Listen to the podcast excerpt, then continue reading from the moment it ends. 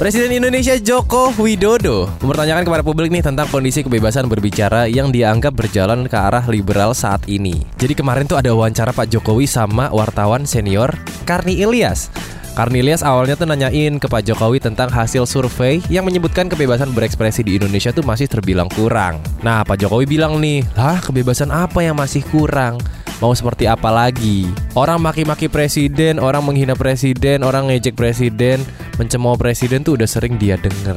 Gitu. Dan Pak Jokowi juga ngeklaim bahwa dia itu udah berusaha untuk bersifat terbuka terkait kritikan. Bahkan beliau nggak mempermasalahkan sejumlah pihak yang suka ngasih dia label negatif gitu. Sebenarnya Pak Jokowi ngizinin Pak, yang penting sopan, yang Hmm. penting terbuka. Dan tidak bertentangan dengan norma-norma yang berlaku. Iya, gitu. tapi kok ada ya beberapa orang yang menggambar dan menulis di sosial media tiba-tiba ditangkap. Wah, nah ini nih sebenarnya meningkatnya angka masyarakat Indonesia yang takut berpendapat itu disinyalir imbas dari adanya Undang-Undang Informasi dan Transaksi Elektronik atau UU ITE yang mana secara nggak langsung ngerugiin masyarakat bahkan sampai memangkas kebebasan berpendapat masyarakat Indonesia terutama dalam beberapa waktu tahun terakhir.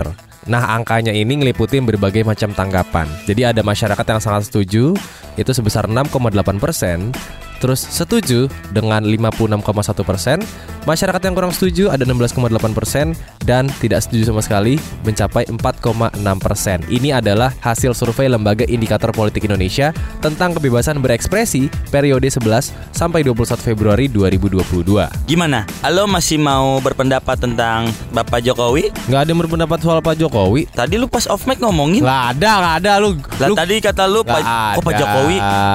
Tadi kata lu kok Pak Jokowi ke istana presiden? Ya kan emang di situ tempat dinasnya dia. Kan lu yang nanya.